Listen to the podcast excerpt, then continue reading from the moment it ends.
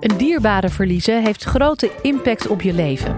De periode van rouw is daarom erg belangrijk om vervolgens de draad weer op te kunnen pakken. Maar hoe help je als volwassene een kind in rouw? En zo vanzelfsprekend is dat namelijk niet. Zeker niet als je zelf al je handen vol hebt aan je eigen verdriet.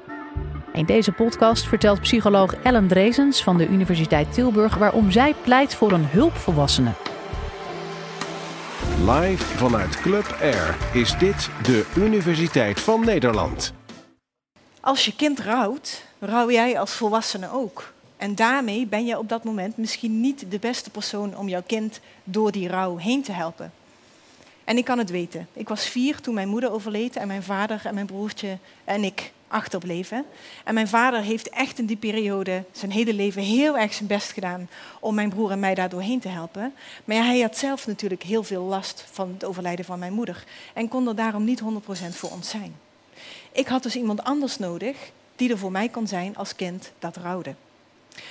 Jullie kennen er vast allemaal wel één. Hagrid uit Harry Potter.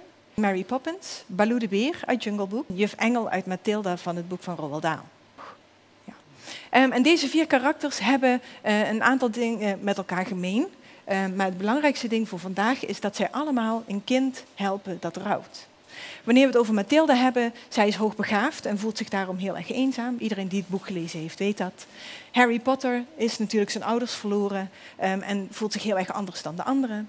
Mowgli heeft eigenlijk geen gezin en bevindt zich in een hele onveilige situatie.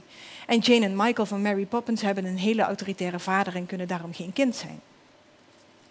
Al deze kinderen maken iets mee waar ze, waardoor ze in een rouwproces kunnen uh, komen. En mijn stelling vandaag is dat al deze kinderen een hulpvolwassene nodig hebben om daar goed mee om te gaan. En ik kan me voorstellen dat jullie denken, rouw is toch wanneer iemand waarvan je houdt overlijdt. Dat klopt, maar rouw is ook nog heel veel breder dan dat. Rouw ontstaat wanneer je iets of iemand verliest waar je van houdt. Maar dat kan dus net zo goed zijn uh, een huisdier wanneer je het over kinderen hebt, soms zelfs wanneer je het over volwassenen hebt, of een echtscheiding, of wanneer je je gezondheid verliest omdat je een ongeluk hebt uh, um, gehad of bijvoorbeeld een ziekte krijgt. Wanneer je anders bent dan anderen, zoals Mathilda zich voelt, of wanneer je gepest wordt, zoals Harry Potter. Wanneer je je baan verliest, wanneer je relatie verliest, er zijn een heleboel redenen waarom mensen kunnen rouwen. En sterker nog, je kunt ook rouwen om iets wat je verliest, wat je nooit gehad hebt. Dus wanneer jij nooit liefde van je ouders hebt gehad, kun je daarom rouwen. Wanneer jij bijvoorbeeld geadopteerd bent, hoe goed de band met je adoptieouders ook is, kan je rouwen omdat je je biologische ouders niet hebt. Um, wanneer je geen normale jeugd hebt kunnen hebben omdat er um, een slechte situatie was, armoede, misbruik, noem het maar op, kun je rouwen. Dus er zijn een heleboel redenen waarom mensen kunnen rouwen. En om het even heel makkelijk samen te vatten, als je iets verliest waar je van houdt, kun je daarom rouwen. Rouw is de achterkant van liefde. In het duale procesmodel zien jullie hoe rouw in elkaar zit. Um, aan de ene kant staat de verliesgerichte kant en aan de andere kant staat de herstelgerichte kant. En die verliesgerichte kant die kennen wij allemaal. Dat is wat wij verwachten wanneer je het over rouw hebt. Mensen die huilen, mensen die over hun verlies willen praten, mensen die misschien wel boos zijn. Dus dat is de kant waar je de confrontatie met je rouw aangaat en waar je de emoties voelt die daarbij horen. Wat we vaak vergeten is de tweede kant van rouw, de herstelgerichte kant. En dat is de kant waar je weer op de een of andere manier deel moet nemen aan de wereld die zo veranderd is omdat je iets of iemand verloren bent.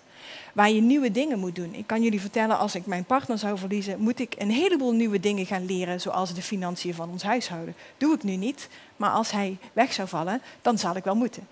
Um, maar de herstelkant is ook waar je afleiding zoekt van rouw. En rouwen is heel erg op en neer gaan tussen die twee kanten. Um, er wordt ook wel gezegd dat je goed rouwt, als er al zoiets is, wanneer je op en neer gaat tussen die twee kanten. En hoe snel dat gaat, dat um, hangt heel erg af van de persoon die je bent en misschien wel van de fase van rouw waar je in zit.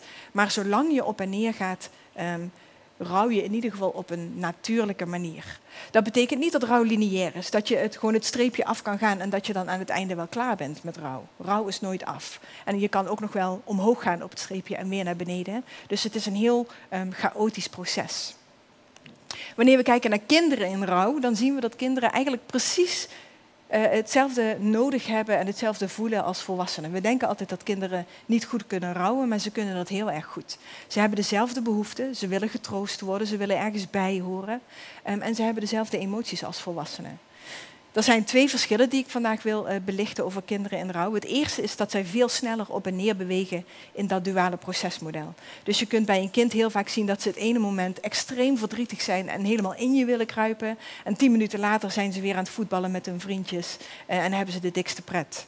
Dat is het eerste verschil tussen kinderen en volwassenen in rouw. Een tweede verschil is dat kinderen het heel erg moeilijk vinden om hun emoties te uiten ik zou zelfs durven zeggen, nog moeilijker dan volwassenen. En dat komt omdat ze geen woorden hebben om die emoties te duiden. Dus voor ons is het al moeilijk om te vertellen dat we ons teleurgesteld of boos voelen. Maar een kind weet niet eens wat het is uh, wat hij voelt. Um, ik denk als rouwdeskundige na over hoe wij kinderen die rouwen nou kunnen helpen. Dat is zeg maar mijn uh, missie. En ik ben dus op zoek naar redenen waarom het ene kind wel goed door een rouwproces komt en het andere kind niet. En hiervoor moeten we een stapje terugzetten naar onderzoeken van twee vooraanstaande wetenschappers. Um, en dat zijn Lillian B. Rubin, zij deed onderzoek in Amerika. Amy Werner, zij deed onderzoek in Hawaii. En zij probeerden allebei op hun eigen manier um, antwoord te geven op de vraag: hoe kan het dat sommige kinderen ondanks dat ze zich in hun jeugd in een slechte situatie hebben bevonden, wel goed uit zo'n um, slechte situatie komen, terwijl hun broertjes en zusjes, die in precies dezelfde situatie hebben gezeten, dat niet konden. En wanneer we het hebben over een slechte jeugd, dan gaat het over dingen als misbruik, uh, uh, alcoholverslaving uh, bij ouders, scheiding, alleenstaande ouders. Dus dat zijn hele brede redenen waarom je dat een slechte jeugd kan noemen. Lillian B. Rubin heeft um, als therapeute gewerkt en heeft een heleboel volwassenen geïnterviewd over hun jeugd. En ze heeft daar een boek over geschreven waarin ze acht van die interviews beschrijft. Um, aan de andere kant, Annie Werner heeft um, in een studie 65 mensen 30 jaar lang gevolgd, dus van kind tot volwassene. En daar door middel van interviews en vragenlijsten gekeken wat nou um, de redenen zijn die die volwassenen aangeven. En de resultaten van deze twee onderzoeken laten een aantal interessante dingen zien. Ze laten zien dat succesvolle volwassenen een aantal, laat ik het kwaliteiten noemen, bezitten die onsuccesvolle volwassenen niet hebben.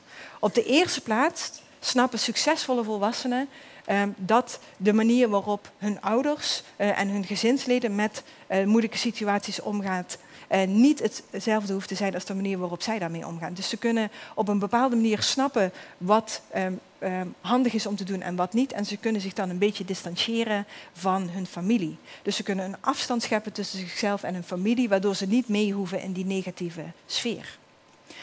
Wanneer je dat doet, die afstand scheppen, dan ja, kan het natuurlijk heel goed zijn dat je je heel erg eenzaam gaat voelen. Um, die succesvolle volwassenen kunnen daar heel goed mee omgaan. Zelfs als kind konden ze dat al. Dus ze konden zich bijvoorbeeld verliezen in creativiteit. Ze konden heel graag tekenen, ze konden piano spelen. Um, dus ze vonden allerlei manieren om om te gaan met die eenzaamheid die je voelt wanneer je een afstand schept tussen jouzelf um, en je familie. Als derde begrepen ze dat zij zelf invloed hebben op wat er met hun gebeurt. Um, volwassenen die onsuccesvol opgroeiden, um, die um, voelden zich vaak slachtoffer van de situatie. Succesvolle volwassenen voelden zich dat niet. Die hadden door dat, hey, wat er met mijn leven gebeurt, dat kan ik zelf beïnvloeden. En die konden daarmee iedere keer zichzelf uit een moeilijke situatie trekken. En als laatste hadden bijna alle kinderen die opgroeiden tot succesvolle volwassenen een mentor. En dus ze hadden iemand in hun buurt die er voor hun was, bij wie ze terecht konden met hun zorgen en die hun kon laten zien dat er ook een andere manier kan zijn om je leven te leiden. En die mentor, dat was mijn Eureka-moment.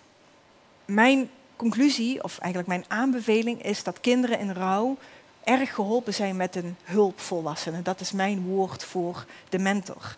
Um, dus die hulpvolwassene kan kinderen in rouw helpen om met hun verlies om te gaan. En een hulpvolwassene kan uh, iemand zijn die zich in de cirkel van het kind bevindt. Dus iemand die al bekend is bij het kind en de ouders. Dus dat kan zijn een uh, opa of oma, of een tante of oom, of een buurvrouw of een leerkracht. Dus dat kan, kan je eigenlijk vrij breed um, zien. Um, dus het is iemand uit de cirkel van het kind die daarmee vertrouwd is voor zowel het kind als de ouders. Het moet natuurlijk wel iemand zijn die je allebei vertrouwt.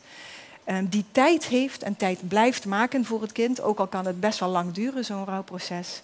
En die afstand heeft tot de rouwsituatie. Wanneer jij als hulpvolwassene zelf heel erg aangedaan bent door rouw, is het natuurlijk heel erg moeilijk om een kind te helpen. Dus je moet een beetje afstand hebben tot die rouwsituatie. Je hoort mij ouders niet noemen als hulpvolwassenen. En er zijn een aantal redenen voor. Op de eerste plaats, ouders zijn er al. Dus wanneer een kind rouwt, rouwen ouders ook, maar ouders zijn er al voor een kind. Dus eh, dat betekent niet dat ze geen goed werk doen, maar eigenlijk zoek ik iemand nog naast die ouder die ook kan eh, meehelpen. Daarnaast, wanneer het kind rouwt, rouwt een ouder ook. Hè? Dus wanneer een kind een opa of oma bijvoorbeeld verloren is, dan rouwt een ouder ook om zijn of haar verloren uh, ouder. Um, dus de ouder heeft het waarschijnlijk al zwaar genoeg met zijn eigen rouw. Als derde proberen kinderen in de regel hun ouders te ontzien. Dus wat kinderen altijd zullen proberen te doen, is hun eigen rouw niet aan hun ouders laten merken, want ze voelen al lang dat die ouders zelf rouwen en ze proberen daarmee die ouder te ontlasten. Daarom is het altijd goed om naast die ouder een hulpvolwassene in te schakelen die zich specifiek met een rouwend kind bezig kan houden.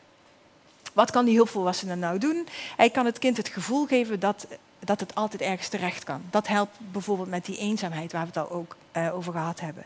En dat hoef je helemaal niet te doen door met een kind te gaan praten. Ik weet niet hoeveel van jullie kinderen hebben, maar als je um, um, een kind iets wil vragen, dan, dan doe, je, dat niet door hè, iemand diep in de ogen te kijken en te zeggen, nou vertel me even wat er, uh, waar je mee zit. Dat doe je vaak door met kinderen door iets te gaan doen. Um, daarnaast kan een hulpvolwassene een thuis weg van huis uh, verzorgen. Dus hij kan ervoor zorgen dat kinderen zich ergens bij voelen horen, dat ze taken hebben. Mijn hulpvolwassenen zeiden bijvoorbeeld tegen mij: Ellen, je mag best mee eten, maar dan moet je eerst even stofzuigen. Dat vond ik heel fijn. Dat klinkt misschien raar, maar dat was heel fijn om gewoon ergens bij te mogen horen. Um, en ze kunnen um, het kind het gevoel geven dat het niet anders is dan andere kinderen. Het is gewoon het kind wat het altijd was, alleen is er iets heel vervelends gebeurd. Dus je kunt als hulpvolwassene het normale terugbrengen. En hoe doe je dat nou? Dat doe je niet door met ze naar de Efteling te gaan of allerlei spannende dingen te doen.